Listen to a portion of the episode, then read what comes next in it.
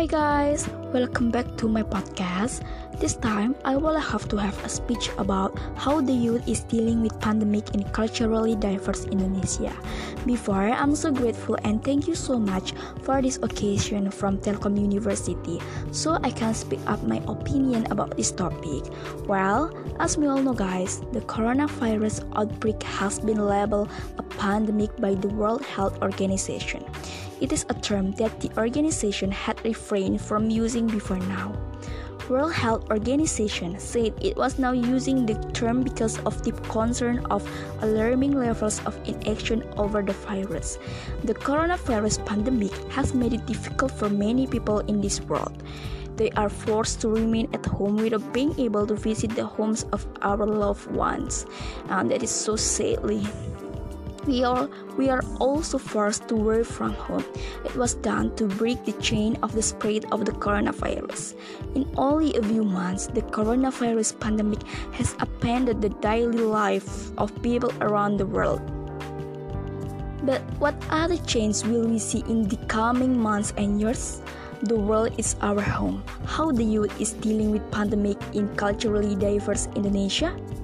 Yes, we often hear that youth is a milestone in the founding of a nation. As in the ingenious Sukarno speech, Give me 10 young men, I will shake the world.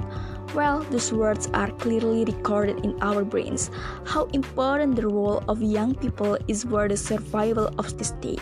This corona pandemic has changed most of the aspects of life, as in the social, cultural, economic, educational, government, and, and the others. What really feels is in the economic field. The economic system has stalled due to this pandemic.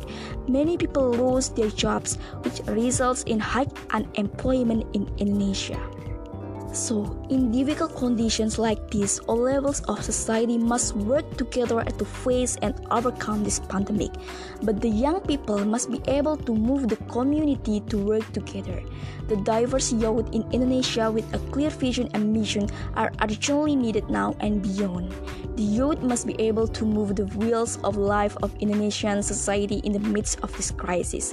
Actually, young people have a broad role in overcoming this pandemic, but I will discuss more specifically on one aspect, namely in the economic field which has a high impact on society without exception. The youth must have a clear vision and mission to restore the community's economy in the midst of this pandemic. The only way young people can do now is open up virtually new jobs. Given the current conditions, we are required to stay at home while living needs continue to grow, right? Then, what can young people do? Well, the answer is an online business opportunity considering young people have a high levels of creative and innovative. Lots of online businesses that can be developed by young people to facilitate all communities facilitated by this business. Even many of our young people have had success in the online business world. Now, our role remains as young people to provide knowledge and training to the wider community, especially ordinary people who are still technology blind.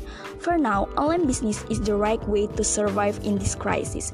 We all must work together to help our brothers and sisters, especially those in remote areas who find it difficult to get access.